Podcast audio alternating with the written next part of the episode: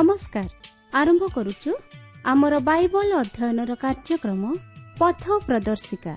ପବିତ୍ର ବାଇବଲ କହେ କାରଣ ପାପର ବେତନ ମୃତ୍ୟୁ କିନ୍ତୁ ଈଶ୍ୱରଙ୍କ ଅନୁଗ୍ରହ ଦାନ ଆମ୍ଭମାନଙ୍କର ପ୍ରଭୁ ଖ୍ରୀଷ୍ଟ ଯୀଶୁଙ୍କ ସହଭାଗିତାରେ ଅନନ୍ତ ଜୀବନ ଅଟେ।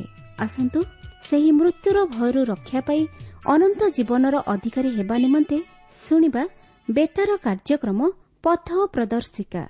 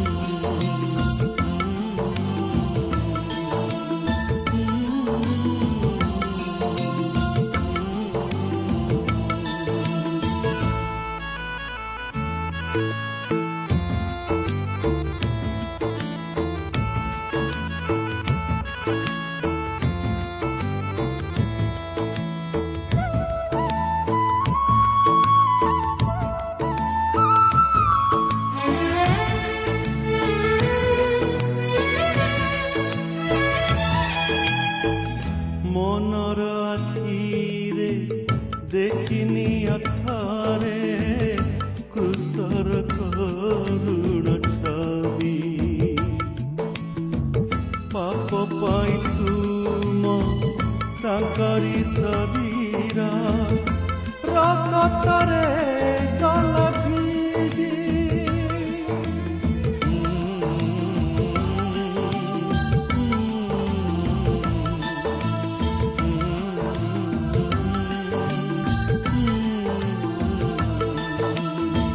তুম পাপ রূপ গরল যেতে পান কলে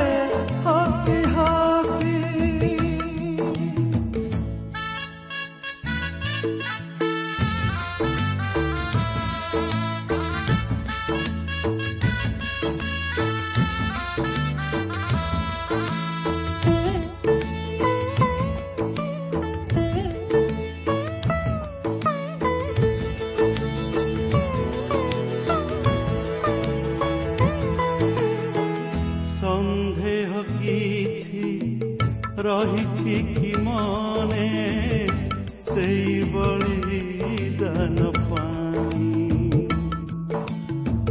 ମଣିଷ ପାଇଁ ଆଜି ଯାଏ ପରା ଏମିତି କେ କରିନା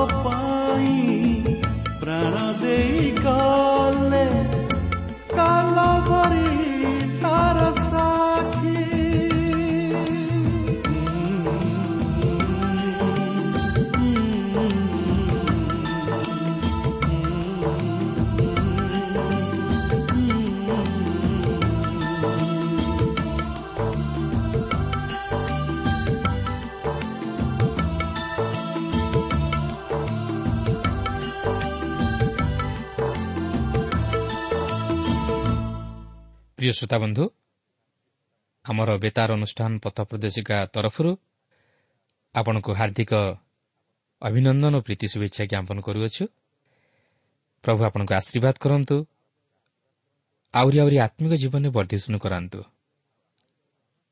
আপনার মনোবাঞ্ছা সে পূর্ণ করতু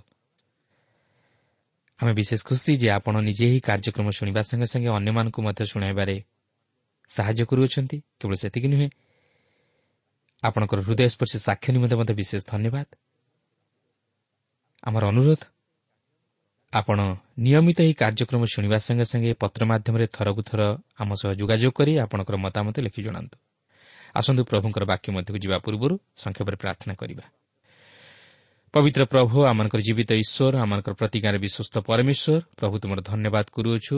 ଏହି ସୁନ୍ଦର ସମୟ ପାଇଁ ସୁଯୋଗ ପାଇଁ। ହଁ ପ୍ରଭୁ ଆମମାନେ ପାପି ଓ ଯୋଗ୍ୟ ଦିନହୀନ ମନୁଷ୍ୟ ହେଲେ ମଧ୍ୟ ତୁମର ଦୟା ତୁମର ଅନୁଗ୍ରହ ତୁମର ଅନୁକମ୍ପା ଆମମାନଙ୍କର ଜୀବନ ପାଇଁ ପ୍ରଚୁର ସେଥିପାଇଁ ପ୍ରଭୁ ଆଜି ଆମମାନେ ପାପି ଅଯୋଗ୍ୟ ହେଲେ ମଧ୍ୟ ଏହି ଜଗତ ମଧ୍ୟରେ ବଞ୍ଚି ରହିବା ପାଇଁ ସୁଯୋଗ ପାଇଛୁ କେବଳ ସେତିକି ନୁହେଁ ପ୍ରଭୁ ତୁମଠାରେ ଭରସା କରିବା ପାଇଁ ତୁମକୁ ପିତା ବୋଲି ସମ୍ବୋଧନ କରିବା ପାଇଁ ଆମମାନଙ୍କୁ ସେହି ତୁମେ ପୁତ୍ରତ୍ୱର ଅଧିକାର ଦେଇଅଛ ସେଥିପାଇଁ ପ୍ରଭୁ ତୁମର ଧନ୍ୟବାଦ କରୁଅଛୁ ପ୍ରଭୁ ବର୍ତ୍ତମାନ ଆମେ ଆସୁଅଛୁ ତୁମର ବାକ୍ୟ ଶୁଣିବା ପାଇଁ ଆମମାନଙ୍କୁ ଏକ ସରଳ ବିଶ୍ୱାସର ହୃଦୟ ଦିଅ ଆମମାନଙ୍କର ଚଞ୍ଚଳ ମତିକୁ ତୁମେ ସୁସ୍ଥିର କର ତୁମର ବାକ୍ୟ ମଧ୍ୟ ଦେଇ ତୁମେ ଆମମାନଙ୍କ ସହିତ କଥା କୁହ। ତୁମର ପବିତ୍ର ଉପସ୍ଥିତି ଆମମାନଙ୍କୁ ଉପଲବ୍ଧି କରିବା ପାଇଁ ଦିଅ। ପ୍ରତ୍ୟେକ ଶ୍ରୋତାବନ୍ଧୁମାନଙ୍କୁ ପ୍ରଭୁ ତୁମେ ଆଶୀର୍ବାଦ କର। ଏହି ସମସ୍ତ ପ୍ରାର୍ଥନା ପ୍ରିୟ ପ୍ରଭୁ ଯୀଶୁଙ୍କ ନାମରେ ମାଗୁଅଛୁ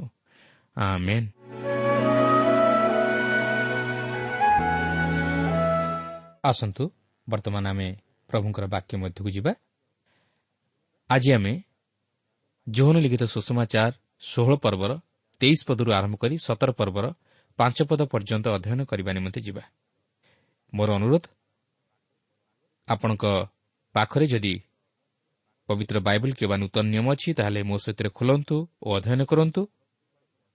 ଓ ଆବଶ୍ୟକ ସ୍ଥଳେ ଗୁରୁତ୍ୱପୂର୍ଣ୍ଣ ବିଷୟଗୁଡ଼ିକ ନିଜର ଖାତାରେ ଲେଖି ରଖନ୍ତୁ।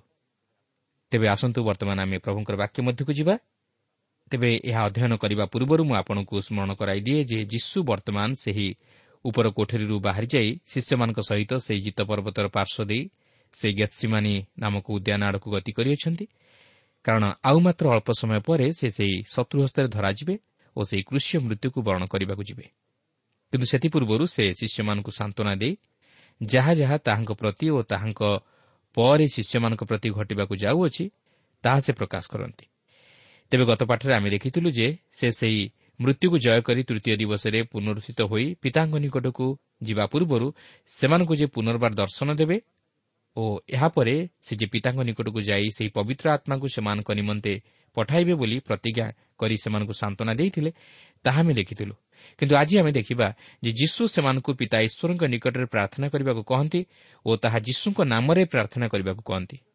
ଓ ସେ ନିଜେ ମଧ୍ୟ ନିଜ ନିମନ୍ତେ ଓ ନିଜର ଶିଷ୍ୟମାନଙ୍କ ନିମନ୍ତେ ଓ ସମସ୍ତ ତାହାଙ୍କର ବିଶ୍ୱାସୀମାନଙ୍କ ନିମନ୍ତେ ପ୍ରାର୍ଥନା କରନ୍ତି। ଆସନ୍ତୁ ପ୍ରଥମେ ଷୋହଳ ପର୍ବର ତେଇଶ ପଦରୁ ସତେଇଶ ପଦ ମଧ୍ୟରେ ଦେଖିବାକୁ ଯିବା ଯେ ଯୀଶୁ କିପରି ତାହାଙ୍କର ଶିଷ୍ୟମାନଙ୍କୁ ତାହାଙ୍କ ନାମରେ ପିତା ଈଶ୍ୱରଙ୍କ ନିକଟରେ ପ୍ରାର୍ଥନା କରିବାକୁ କହନ୍ତି। ତେବେ ଆମେ ପ୍ରତ୍ୟେକଟି ପଦକୁ ପାଠ କରିବାକୁ ଯିବା ନାହିଁ ମାତ୍ର ଏହାର ମୁଖ୍ୟ ପଦ ଉପରେ ଟିକେ ଦୃଷ୍ଟି ଦେବା। ଦେଖନ୍ତୁ ତେଇଶ ଓ ଚବିଶ ପଦରେ ଏହିପରି ଲେଖା ଅଛି। ସେଦିନ ତୁମେମାନେ ମୋତେ କିଛି ପଚାରିବ ନାହିଁ। ସତ୍ୟ ସତ୍ୟ ମୁଁ ତୁମମାନଙ୍କୁ କହୁଅଛି ଯଦି ତୁମେମାନେ ପିତାଙ୍କୁ କିଛି ମାଗିବ ତେବେ ମୋ ନାମରେ ସେ ତୁମମାନଙ୍କୁ ତାହା ଦେବେ। ଏପର୍ଯ୍ୟନ୍ତ ତୁମେମାନେ ମୋ ନାମରେ କିଛି ମାଗିନାହ। ମାଗ ପୁଣି ତୁମମାନଙ୍କର ଆନନ୍ଦ ଯେପରି ପରିପୂର୍ଣ୍ଣ ହୁଏ ସେଥିନିମନ୍ତେ ତୁମେମାନେ ତାହା ପାଇବ। ଏହି ଅଂଶରେ ଆମେ ତୃତୀୟ ଥର ଦେଖିବାକୁ ପାରୁଛୁ ଯେ ଯୀଶୁ ତାହାଙ୍କର ଶିଷ୍ୟମାନଙ୍କୁ ତାହାଙ୍କ ନାମରେ ପିତା ଈଶ୍ୱରଙ୍କ ନିକଟରେ ପ୍ରାର୍ଥନା କରିବାକୁ କହନ୍ତି। ତେବେ ଏଥିପୂର୍ବରୁ ଆମେ ଦେଖିସାରିଛୁ ଯେ ଯେ କେହି ତାହାଙ୍କଠାରେ ରହେ ଓ ତାହାଙ୍କର ବାଧ୍ୟ ହୁଏ ସେ ହିଁ କେବଳ ତାହାଙ୍କ ନାମରେ ପିତା ଈଶ୍ୱରଙ୍କ ନିକଟରେ ପ୍ରାର୍ଥନା କରେ। କିନ୍ତୁ ସମସ୍ତେ ଏହି ପ୍ରକାରେ ପ୍ରାର୍ଥନା କରିପାରନ୍ତି ନାହିଁ। ତେବେ ଯୀଶୁ ଏଠାରେ ଶିଷ୍ୟମାନଙ୍କୁ ଏପରି କହିବାର ଅର୍ଥ କ'ଣ? କାରଣ ସେ ପର୍ଯ୍ୟନ୍ତ ଶିଷ୍ୟମାନେ ଯୀଶୁଙ୍କ ନାମରେ ପିତା ଈଶ୍ୱରଙ୍କ ନିକଟରେ ପ୍ରାର୍ଥନା କରିନଥିଲେ କିନ୍ତୁ ସେ ବର୍ତ୍ତମାନ କହନ୍ତି ତୁମେମାନେ ମୋ ନାମରେ ପିତା ଈଶ୍ୱରଙ୍କ ନିକଟରେ ପ୍ରାର୍ଥନା କରିବ। କାରଣ ମୁଁ ପିତାଙ୍କ ନିକଟକୁ ଯାଉଅଛି। ତେଣୁକରି ପ୍ରିୟ ବନ୍ଧୁ ଆପଣ ଓ ମୁଁ ଆମେ ବର୍ତ୍ତମାନ ଯୀଶୁଙ୍କ ନାମରେ ପିତା ଈଶ୍ୱରଙ୍କ ନିକଟରେ ପ୍ରାର୍ଥନା କରିବାକୁ ଅଛି। ଆପଣ ବୋଧହୁଏ ପ୍ରଶ୍ନ କରିପାରନ୍ତି ଯେ କ'ଣ ଆମେ କେବଳ ଈଶ୍ୱରଙ୍କ ନିକଟରେ ପ୍ରାର୍ଥନା କଲେ ଚଳିବ ନାହିଁ କି? ଯୀଶୁଙ୍କ ନାମରେ ପୁଣି କାହିଁକି ପ୍ରାର୍ଥନା କରିବା ଦରକାର? ହଁ ଆପଣ ଈଶ୍ୱରଙ୍କ ନିକଟରେ ସିଧାସଳଖ ପ୍ରାର୍ଥନା କରିପାରନ୍ତି। ମାତ୍ର ଜାଣି ରଖନ୍ତୁ ଯେ ଆପଣଙ୍କ ନିମନ୍ତେ ସେହି ପ୍ରଭୁ ଯୀଶୁ ଖ୍ରୀଷ୍ଟ ନିତ୍ୟ ନିବେଦନ କରନ୍ତି ଓ ତାହାଙ୍କୁ ଉପେକ୍ଷା କରି ଆପଣ ପ୍ରାର୍ଥନା କରିବା ଦ୍ୱାରା ଲାଭ କ'ଣ ପାଇବେ? ତାଛଡ଼ା ଆପଣ ଯଦି ପ୍ରଭୁ ଯୀଶୁଙ୍କୁ ଉପେକ୍ଷା କରନ୍ତି ତାହେଲେ ଆପଣଙ୍କର ପ୍ରାର୍ଥନା ମଧ୍ୟ ଈଶ୍ୱରଙ୍କ ନିକଟରେ ଗୃହୀତ ହେବ ନାହିଁ। କାରଣ ପ୍ରଭୁ ଯୀଶୁ ଖ୍ରୀଷ୍ଟ ଈଶ୍ୱରଙ୍କ ଦକ୍ଷିଣ ପାର୍ଶ୍ୱରେ ଉପବେଶନ କରି ଆପଣଙ୍କ ନିମନ୍ତେ ପ୍ରାର୍ଥନା କରନ୍ତି।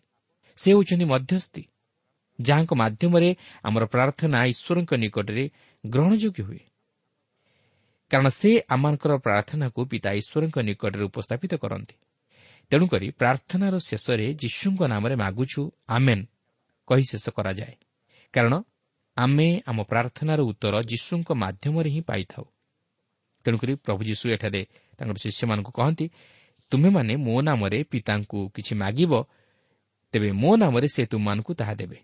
ଏହା ହିଁ ହେଉଛି ତାହାଙ୍କର ପ୍ରତିଜ୍ଞା। ଓ ସେ ତାହା ନିଶ୍ଚୟ ସଫଳ କରିବେ ଯଦି ଆମେ ତାହାଙ୍କ ସହିତରେ ସଂଯୁକ୍ତ ରହି ତାହାଙ୍କ ଆଜ୍ଞା ପାଳନ କରୁ ଓ ତାହାଙ୍କର ବାଧ୍ୟ ହେଉ। କିନ୍ତୁ ଏହାର ଅର୍ଥ ନୁହେଁ ଯେ ଈଶ୍ୱର ଆମମାନଙ୍କ ପ୍ରତି କ୍ରୋଧ ପରାୟଣ ବା ସେ ପ୍ରେମ କରନ୍ତି ନାହିଁ ସେଥିହେତୁ ଯୀଶୁଙ୍କୁ ପିତା ଈଶ୍ୱରଙ୍କ ନିକଟରେ ନିବେଦନ କରିବାକୁ ହୁଏ ତାହା ଭାବିବା ଭୁଲ ସେଥିପାଇଁ ପ୍ରଭୁ ଯୀଶୁ ସେମାନଙ୍କୁ କହନ୍ତି ଯେ ପିତା ଈଶ୍ୱର ସେମାନଙ୍କୁ ପ୍ରେମ କରନ୍ତି ଦେଖନ୍ତୁ ଷୋହଳ ପର୍ବର ଛବିଶ ଓ ସତେଇଶ ପଦରେ ଲେଖା ଅଛି ସେଦିନ ତୁମେମାନେ ମୋ ନାମରେ ମାଗିବ ଆଉ ମୁଁ ଯେ ତୁମାନଙ୍କ ସପକ୍ଷରେ ପିତାଙ୍କୁ ଅନୁରୋଧ କରିବି ଏହା ମୁଁ ତୁମମାନଙ୍କୁ କହୁନାହିଁ। କାରଣ ପିତା ସ୍ୱୟଂ ତୁମମାନଙ୍କୁ ସ୍ନେହ କରନ୍ତି। ଯେଣୁ ତୁମେମାନେ ମୋତେ ସ୍ନେହ କରୁଅଛ ଓ ମୁଁ ଯେ ଈଶ୍ୱରଙ୍କ ନିକଟରୁ ଆସିଅଛି ତାହା ତୁମେମାନେ ବିଶ୍ୱାସ କରିଅଛ। ଏଠାରେ ପ୍ରଭୁ ଯୀଶୁ ପିତା ଈଶ୍ୱରଙ୍କର ସ୍ନେହକୁ ପ୍ରକାଶ କରନ୍ତି। କାରଣ ଯେଉଁମାନେ ଖ୍ରୀଷ୍ଟଙ୍କୁ ସ୍ନେହ କରନ୍ତି ଓ ଖ୍ରୀଷ୍ଟ ଯେ ଈଶ୍ୱରଙ୍କ ପୁତ୍ର ଏହା ବିଶ୍ୱାସ କରନ୍ତି ଓ ତାହାଙ୍କ ସହିତ ସହଭାଗିତା ସ୍ଥାପନ କରନ୍ତି ସେମାନଙ୍କ ପ୍ରତି ଈଶ୍ୱରଙ୍କ ସ୍ନେହ ଥାଏ। କିନ୍ତୁ ଏହାର ଅର୍ଥ ନୁହେଁ ଯେ ସେମାନେ ସିଧାସଳଖ ଈଶ୍ୱରଙ୍କ ନିକଟରେ ନିବେଦନ କରିବେ। ମାତ୍ର ସେମାନେ ଯୀଶୁଙ୍କ ନାମରେ ପିତା ଈଶ୍ୱରଙ୍କ ନିକଟରେ ନିବେଦନ କରିବା ଦ୍ୱାରା ଖ୍ରୀଷ୍ଟଙ୍କ ହେତୁ ତାହା ପ୍ରାପ୍ତ ହୋଇପାରିବେ। କିନ୍ତୁ ଏଠାରେ ଲକ୍ଷ୍ୟ କରିବାର ବିଷୟ ହେଉଛି ସେଦିନ। ତୁମେମାନେ ମୋ ନାମରେ ମାଗିବ ବୋଲି ଯୀଶୁ କହନ୍ତି। ତେବେ ସେଦିନ କେଉଁ ଦିନକୁ ଦର୍ଶାଏ? ସେଦିନ ଅର୍ଥାତ୍ ସେହି ଉଦ୍ଧାରର ଦିନକୁ ଦର୍ଶାଏ ଯେଉଁଥିପାଇଁ ସେ ଏହି ଜଗତକୁ ଆସିଥିଲେ। କାରଣ ତାହାଙ୍କର ସେହି କୃଷିୟ ମୃତ୍ୟୁ ପରେ ସେମାନେ ଯୀଶୁଙ୍କ ନାମରେ ପିତା ଈଶ୍ୱରଙ୍କ ନିକଟରେ ପ୍ରାର୍ଥନା କରିବାକୁ ଥିଲା।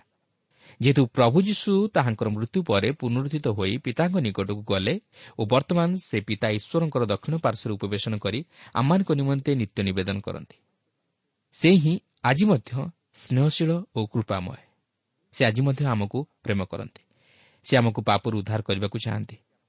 କିନ୍ତୁ ଆମେ ଯଦି ପ୍ରଭୁ ଯୀଶୁଖ୍ରୀଷ୍ଟଙ୍କୁ ପ୍ରେମ କରି ତାହାଙ୍କ ନିକଟରେ ନିଜର ଜୀବନକୁ ସମର୍ପଣ କରୁ ତାହେଲେ ଆମମାନଙ୍କର ପ୍ରାର୍ଥନା ମଧ୍ୟ ଈଶ୍ୱରଙ୍କ ନିକଟରେ ଗ୍ରହଣଯୋଗ୍ୟ। ପ୍ରିୟ ବନ୍ଧୁ ଈଶ୍ୱର ଆଜି ଆମମାନଙ୍କର ପ୍ରାର୍ଥନାର ଉତ୍ତର ଦେବାକୁ ଚାହାନ୍ତି। ମାତ୍ର ସେହି ପ୍ରାର୍ଥନା ଏକ ପ୍ରଭୁପ୍ରିୟ ଓ ପ୍ରଭୁ ଯୀଶୁଙ୍କ ସହିତ ସହଭାଗିତା ଓ ତାହାଙ୍କର ବାଧ୍ୟ ହୃଦୟର ପ୍ରାର୍ଥନା ହେବା ଉଚିତ। ତାହେଲେ ଆମେ ଆମର ପ୍ରାର୍ଥନାର ଉତ୍ତର ଈଶ୍ୱରଙ୍କଠାରୁ ପାଇପାରିବା। କିନ୍ତୁ ଆପଣ ଦେଖିବେ ଯଦିଓ ପ୍ରଭୁ ଯୀଶୁଙ୍କ ସମ୍ମୁଖରେ ସେହି କୃଷିୟ ମୃତ୍ୟୁ ଅପେକ୍ଷା କରି ରହିଥିଲା ତଥାପି ତାହାଙ୍କ ସମ୍ମୁଖରେ ସେହି ବିଜୟର ପତାକା ଉଡ଼ୁଥିଲା। କାରଣ ସେ ସେହି ମୃତ୍ୟୁକୁ ଜୟ କରି ପିତା ଈଶ୍ୱରଙ୍କ ନିକଟକୁ ଯିବାକୁ ଥିଲା। ତେଣୁକରି ଅଠେଇଶ ପଦରେ ଏହିପରି ଲେଖା ଅଛି ମୁଁ ପିତାଙ୍କ ନିକଟରୁ ଜଗତକୁ ଆସିଅଛି। ପୁନର୍ବାର ମୁଁ ଜଗତ ପରିତ୍ୟାଗ କରି ପିତାଙ୍କ ନିକଟକୁ ଯାଉଅଛି। ବାସ୍ତବରେ ଏହି ପଦଟି ଅତି ମହତ୍ୱପୂର୍ଣ୍ଣ ପଦ ଯାହାକି ସୁଷମାଚାରର ମୂଳ ଲକ୍ଷ୍ୟ ଏହିଠାରେ ପ୍ରତିପାଦିତ ହୁଏ। ତେବେ ମୁଁ ଆଉ ଏହାକୁ ଅଧିକ ବ୍ୟାଖ୍ୟା କରିବାକୁ ଯାଉନାହିଁ। କିନ୍ତୁ ଯୀଶୁଙ୍କର ଏପରି କଥାର ଭାବ ଶିଷ୍ୟମାନେ ବୁଝିପାରିଥିଲେ। ଓ ସେ ଯେ ପିତା ଈଶ୍ୱରଙ୍କ ନିକଟରୁ ଆସିଅଛନ୍ତି ଓ ପୁନର୍ବାର ପିତା ଈଶ୍ୱରଙ୍କ ନିକଟକୁ ଯାଉଅଛନ୍ତି ତାହା ବିଶ୍ୱାସ କରିଥିଲେ। କିନ୍ତୁ ସେମାନେ ବାସ୍ତବରେ ପ୍ରଭୁ ଯୀଶୁଙ୍କର ସେହି କୃଷ୍ୟ ମୃତ୍ୟୁ ଓ ପୁନରୁତ୍ଥାନର ବାସ୍ତବତାକୁ ସେ ପର୍ଯ୍ୟନ୍ତ ହୃଦୟଙ୍ଗମ କରିପାରି ନ ଥିଲେ ତେଣୁ ସେମାନେ ଯେତେବେଳେ ଯୀଶୁଙ୍କ ନିକଟରେ ନିଜ ନିଜର ବିଶ୍ୱାସକୁ ପ୍ରକାଶ କରୁଅଛନ୍ତି ସେତେବେଳେ ଯୀଶୁ ସେମାନଙ୍କୁ କହନ୍ତି ଯାହାକି ଏକତିରିଶ ପଦରୁ ତେତିଶ ପଦରେ ଲେଖା ଅଛି। ଯୀଶୁ ସେମାନଙ୍କୁ ଉତ୍ତର ଦେଲେ ତୁମେମାନେ କ'ଣ ଏବେ ବିଶ୍ୱାସ କରୁଅଛ? ଦେଖ ସମୟ ଆସୁଅଛି ହଁ ଆସିଲାଣି। ଯେତେବେଳେ ତୁମେମାନେ ଛିନ୍ନ ଭିନ୍ନ ହୋଇ ପ୍ରତ୍ୟେକ ଆପଣା ଆପଣା ଘରକୁ ପଳାଇଯିବ ଆଉ ମୋତେ ଏକାକୀ ପରିତ୍ୟାଗ କରିବ। ତଥାପି ମୁଁ ଏକାକୀ ନୁହେଁ କାରଣ ପିତା ମୋ ସାଙ୍ଗରେ ଅଛନ୍ତି। ତୁମେମାନେ ଯେପରି ମୋଠାରେ ଶାନ୍ତି ପ୍ରାପ୍ତ ହୁଅ ଏଥିନିମନ୍ତେ ମୁଁ ତୁମମାନଙ୍କୁ ଏହିସବୁ ବିଷୟ କହିଅଛି। ଜଗତରେ ତୁମମାନଙ୍କ ନିମନ୍ତେ କ୍ଲେଶ ଅଛି। କିନ୍ତୁ ସାହସ ଧର। ମୁଁ ଜଗତକୁ ଜୟ କରିଅଛି। ଏହି ଅଂଶରେ ପ୍ରଭୁ ଯୀଶୁ ତାହାଙ୍କର ଶିଷ୍ୟମାନଙ୍କର ଦୁର୍ବଳତା ବିଷୟରେ ପ୍ରକାଶ କରି କହନ୍ତି ଯେ ସେମାନେ ତାହାଙ୍କର ସେହି ମୃତ୍ୟୁ ସମୟରେ ସମସ୍ତେ ତାହାଙ୍କୁ ଛାଡ଼ି ପଳାଇଯିବେ। ଆଉ ସେ ଏକାକୀ ହୋଇଯିବେ। ତଥାପି ସେ ଏକାକୀ ନୁହନ୍ତି ମାତ୍ର ପିତା ଈଶ୍ୱର ଯେ ତାହାଙ୍କ ସହିତ ଅଛନ୍ତି ତାହା ସେ ପ୍ରକାଶ କରନ୍ତି। କିନ୍ତୁ ଶିଷ୍ୟମାନେ ସେ ପର୍ଯ୍ୟନ୍ତ ତାହା ଜାଣିପାରି ନାହାନ୍ତି ଯଦିଓ ସେ ଏହି ଜଗତର ପାପ ବହନ କରି ନିଜେ ପାପ ସ୍ୱରୂପ ହେଲେ ତଥାପି ଈଶ୍ୱର ତାହାଙ୍କୁ ଛାଡ଼ି ଦେଇନଥିଲେ କାରଣ ଈଶ୍ୱର ଖ୍ରୀଷ୍ଟଙ୍କଠାରେ ଜଗତକୁ ଆପଣା ସହିତ ସମ୍ମିଳିତ କରୁଥିଲେ। ଯାହାକି ଦ୍ୱିତୀୟ କରନ୍ଥୀୟ ପାଞ୍ଚ ପର୍ବର ଉଣେଇଶ ପଦରେ ଲେଖା ଅଛି। ତେଣୁ ଏହି ସମୟଟି ପ୍ରଭୁ ଯୀଶୁଙ୍କ ନିମନ୍ତେ ଅତି ଯନ୍ତ୍ରଣାଦାୟକ ଥିଲା ଯାହାକି ଆମର ଚିନ୍ତା ବା କଳ୍ପନାର ବାହାରେ। କାରଣ ସେ ଏହି ଜଗତର ପାପ ସବୁକୁ ସେହି କୃଷରେ ହତ କଲେ। ଚିନ୍ତା କରିପାରୁଛନ୍ତି? ଯଦି ଜଣେ ଲୋକ ତାହାର ନିଜ ଅପରାଧର ପ୍ରତିଫଳ ଭୋଗ କରିବାକୁ ସକ୍ଷମ ନୁହେଁ। ତାହେଲେ ସମଗ୍ର ମାନବ ଜାତିର ପାପର ପ୍ରତିଫଳ ବହନ କରିବା ଜଣେ ଲୋକ ପକ୍ଷରେ କେତେ ଯନ୍ତ୍ରଣାଦାୟକ? ତଥାପି ପ୍ରଭୁ ଯୀଶୁ ତାହା ସାଧନ କରି ଆମ୍ଭମାନଙ୍କ ନିମନ୍ତେ ସେହି ଉଦ୍ଧାରର ପଥ ହେଲେ। ଯେପରି ତାହାଙ୍କଠାରେ ବିଶ୍ୱାସ କରିବା ଦ୍ୱାରା ତାହାଙ୍କ ପବିତ୍ର ରକ୍ତ ଦ୍ୱାରା ଆମ୍ଭମାନଙ୍କର ପାପ ମୋଚନ ହୁଏ। କିନ୍ତୁ ଆପଣ ଲକ୍ଷ୍ୟ କରିବେ ଯଦିଓ ଯୀଶୁ ଜାଣିଥିଲେ ଯେ ସେମାନେ ତାହାଙ୍କୁ ଏହିପରି ଏକ ଭୟଙ୍କର ତଥା ଦାରୁଣ ପରିସ୍ଥିତିରେ ଛାଡ଼ି ଚାଲିଯିବେ ବୋଲି ତଥାପି ସେ ସେମାନଙ୍କ ପ୍ରତି ତାହାଙ୍କର ସ୍ନେହ ଓ ପ୍ରେମ ଉଣା କରିନଥିଲେ ସେମାନେ ଯେପରି ଏହିପରି ପରିସ୍ଥିତିରେ ଅର୍ଥାତ୍ ପାଳକବିହୀନ ମେଷପଲ ପରି ହୋଇଯିବା ପରିସ୍ଥିତିରେ ଶାନ୍ତିରେ ରୁହନ୍ତି ଏଥିନିମନ୍ତେ ସେ ସେମାନଙ୍କୁ ଉତ୍ସାହ ତଥା ସାନ୍ତ୍ୱନା ଦେଇ ପୂର୍ବରୁ ସମସ୍ତ ବିଷୟ ଜଣାଇ ଦିଅନ୍ତି। କିନ୍ତୁ ସେ ତଥାପି କହନ୍ତି ଜଗତରେ ତୁମମାନଙ୍କ ନିମନ୍ତେ କ୍ଲେଶ ଅଛି। କିନ୍ତୁ ସାହସ ଧର ମୁଁ ଜଗତକୁ ଜୟ କରିଅଛି। ବାସ୍ତବରେ ଏହା ଏକ ମହାନ ସାନ୍ତ୍ୱନା। ଶିଷ୍ୟମାନଙ୍କ ଜୀବନରେ ଭବିଷ୍ୟତରେ ଯାହା ଯାହା ଘଟିବାକୁ ଯାଉଥିଲା ତାହା ଜାଣି ସେ ସେମାନଙ୍କୁ ସତର୍କ କରାଇଦେବା ସଙ୍ଗେ ସଙ୍ଗେ ସେମାନଙ୍କୁ ସାନ୍ତ୍ୱନା ଦେଇ କହନ୍ତି ସାହସ ଧର ମୁଁ ଜଗତକୁ ଜୟ କରିଅଛି। ଏହାର ଅର୍ଥ ସେ କହିବାକୁ ଚାହାନ୍ତି ସାହସ ଧର ମୁଁ ମଧ୍ୟ ତୁମମାନଙ୍କୁ ଏହି ଜଗତ ଉପରେ ଜୟଯୁକ୍ତ ଜୀବନ କାଟିବାକୁ ଶକ୍ତି ଦେବି। ଓ ଏହି ଜଗତ ଉପରେ ଜୟ ପ୍ରଦାନ କରିବାକୁ ଶକ୍ତି ଦେବି। ବାସ୍ତବରେ ପ୍ରିୟ ବନ୍ଧୁ ପ୍ରଭୁ ଯୀଶୁ ହିଁ କେବଳ ଆମକୁ ଏହି ଜଗତରେ ବାସ୍ତବ ଶାନ୍ତି ଦେଇପାରନ୍ତି। ସେ ଆମମାନଙ୍କର ସମସ୍ତ ଅଶାନ୍ତିକୁ ନେଇଯାଇ ନିଜର ଶାନ୍ତି ଦିଅନ୍ତି। ସେ ଆମର ପାପ ବୋଝକୁ ହାଲୁକା କରିଦେଇ ଆମକୁ ଶାନ୍ତି ଦିଅନ୍ତି। କେବଳ ସେତିକି ନୁହେଁ ସେ ମଧ୍ୟ ଏହି ଜଗତ ଉପରେ ବିଜୟୀ ଜୀବନ କାଟିବାକୁ ଆମକୁ ଶକ୍ତି ଦେବେ।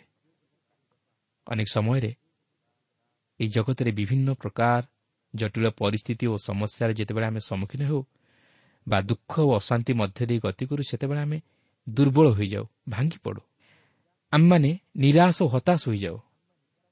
କିନ୍ତୁ ମନେ ରଖନ୍ତୁ ଜଣେ ଆପଣଙ୍କର ସହିତ ରହି ଆପଣଙ୍କୁ କହନ୍ତି ସାହସ ଧର ମୁଁ ଜଗତକୁ ଜୟ କରିଅଛି। ପ୍ରିୟ ବନ୍ଧୁ ଆପଣ କ'ଣ ଆଜି ନିଜର ଜୀବନରେ ସେହିପରି ଅନୁଭୂତିର ମଧ୍ୟ ଦେଇ ଗତି କରିଅଛନ୍ତି କି? ଆଜି କ'ଣ ଆପଣ ପ୍ରଭୁ ଯୀଶୁଙ୍କ ଉପରେ ନିର୍ଭର ଦେଇ ସାହସ ପ୍ରାପ୍ତ ହୋଇପାରିଛନ୍ତି କି? କିନ୍ତୁ ଜାଣି ରଖନ୍ତୁ ସେ ହିଁ କେବଳ ଏକମାତ୍ର ଧାର୍ମିକ ପୁରୁଷ ଏହି ଜଗତକୁ ଜୟ କରିଅଛନ୍ତି ଓ ସେ ହିଁ କେବଳ ଆପଣଙ୍କୁ ଜଗତ ଉପରେ ଜୟଲାଭ କରିବାକୁ ଶକ୍ତି ଦେବେ ଯଦି ଆପଣ ତାହାଙ୍କଠାରେ ବିଶ୍ୱାସ କରି ତାହାଙ୍କ ନିକଟରେ ନିଜକୁ ସମ୍ପୂର୍ଣ୍ଣ ସମର୍ପଣ କରନ୍ତି। ତେବେ ଏହିଠାରେ ଆମେ ଷୋହଳ ପର୍ବଟିକୁ ଅଧ୍ୟୟନ କରି ସମାପ୍ତ କଲେ ମାତ୍ର ଏହାପରେ ଆମେ ସତର ପର୍ବଟିକୁ ଅଧ୍ୟୟନ କରିବାକୁ ଯିବା। ଏହି ସତର ପର୍ବରେ ଯୀଶୁଙ୍କର ସେହି ପ୍ରାର୍ଥନା ବିଷୟ ଆମେ ଅଧ୍ୟୟନ କରିବାକୁ ଯିବା ଯାହାକି ସେ ନିଜ ନିମନ୍ତେ ନିଜର ଶିଷ୍ୟମାନଙ୍କ ନିମନ୍ତେ ଓ ନିଜର ବିଶ୍ୱାସୀମାନଙ୍କ ନିମନ୍ତେ ପିତା ଈଶ୍ୱରଙ୍କଠାରେ ନିବେଦନ ପ୍ରାର୍ଥନା କରନ୍ତି ଯାହାକି ସେ ସେହି ଗେତ୍ସିମାନି ନାମକ ଉଦ୍ୟାନରେ ପ୍ରବେଶ କରିବା ସମୟରେ କରିଥିଲେ।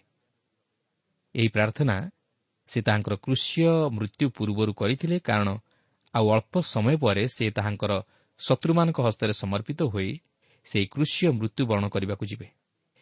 ତେବେ ଏହି ପ୍ରାର୍ଥନା ଥିଲା ଯୀଶୁଙ୍କର ଏକ ମହାଜାଜକୀୟ ପ୍ରାର୍ଥନା।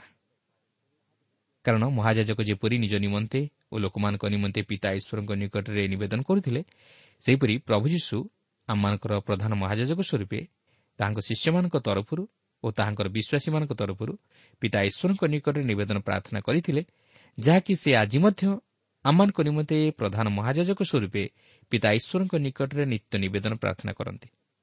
ଆସନ୍ତୁ ଦେଖିବା ଯେ ଯୀଶୁ ତାଙ୍କର ନିଜ ନିମନ୍ତେ କିପରି ପ୍ରାର୍ଥନା କରନ୍ତି। ଦେଖନ୍ତୁ ସତର ପର୍ବର ପ୍ରଥମ ପଦରୁ ପାଞ୍ଚ ପଦ ମଧ୍ୟରେ ଏହିପରି ଲେଖା ଅଛି ଯୀଶୁ ଏହି ସମସ୍ତ କଥା କହି ସ୍ୱର୍ଗ ଆଡ଼େ ଉର୍ଦ୍ଧ୍ୱଦୃଷ୍ଟି କରି କହିଲେ ପିତ ସମୟ ଉପସ୍ଥିତ ହେଲାଣି ତୁମର ପୁତ୍ରଙ୍କୁ ମହିମାନ୍ୱିତ କର।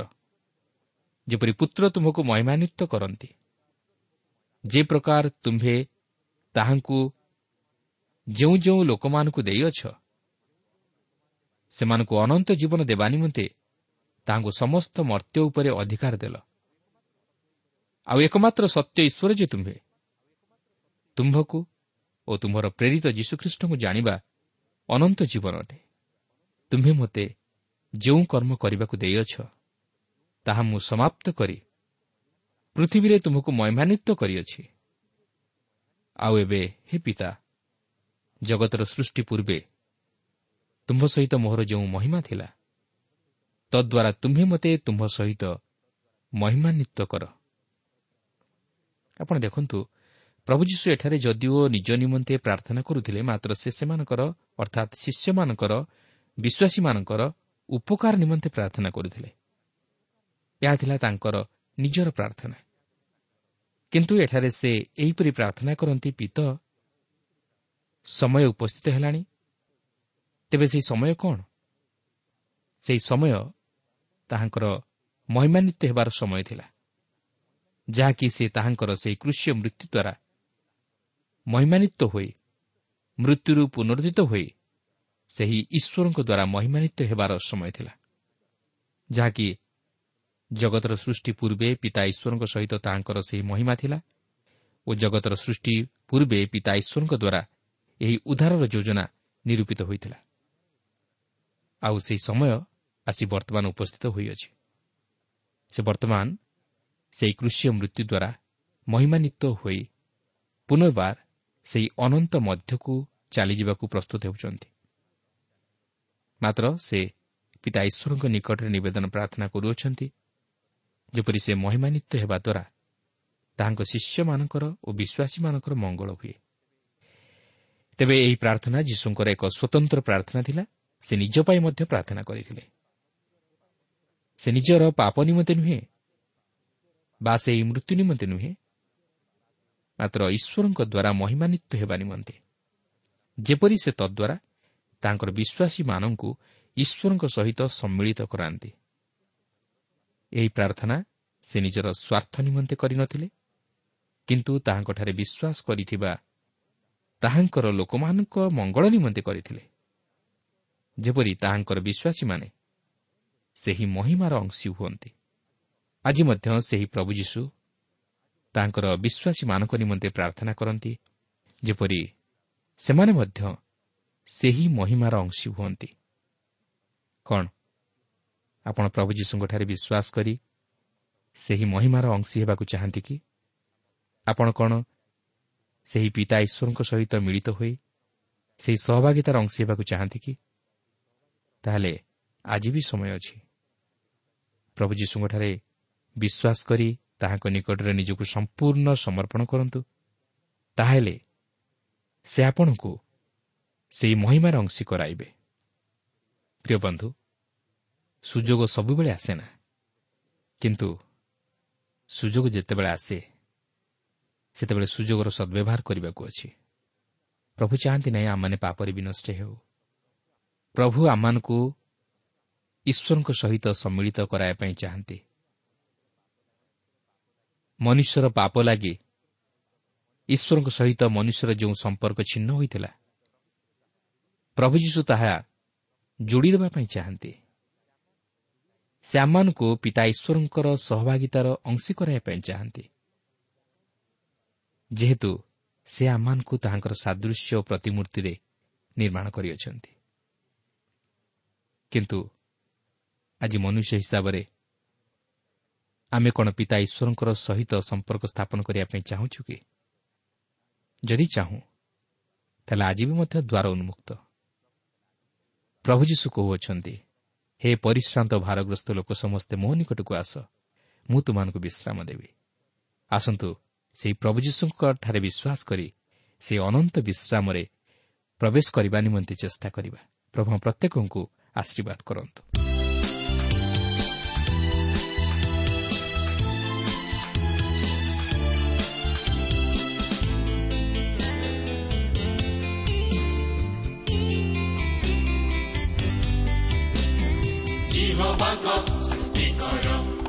କରୁଣା ଚିରସ୍ଥାୟୀ ପ୍ରଭୁମାନଙ୍କ ପ୍ରଭୁଙ୍କ ସ୍ତୁତି କର ତାଙ୍କ କରୁଣା ଚିରସ୍ଥାୟୀ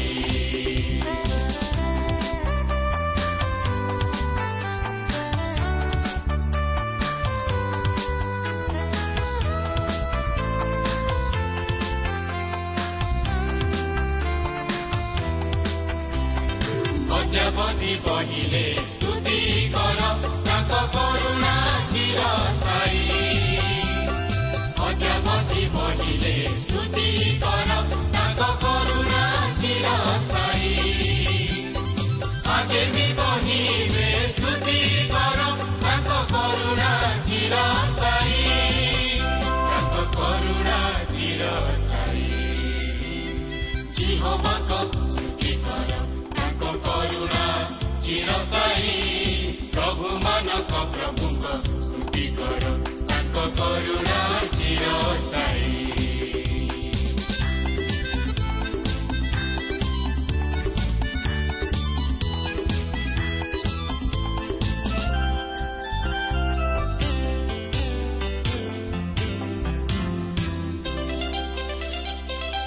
ତାଙ୍କ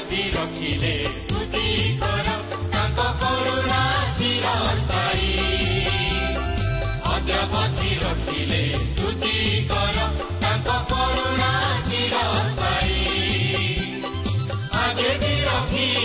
ସ୍ତୁତି କର ତାଙ୍କ କରୁଣା ଚିରସ୍ଥାୟୀ ତାଙ୍କ କରୁଣା ଚିରସ୍ଥାୟୀ ଜିହୋବାଙ୍କ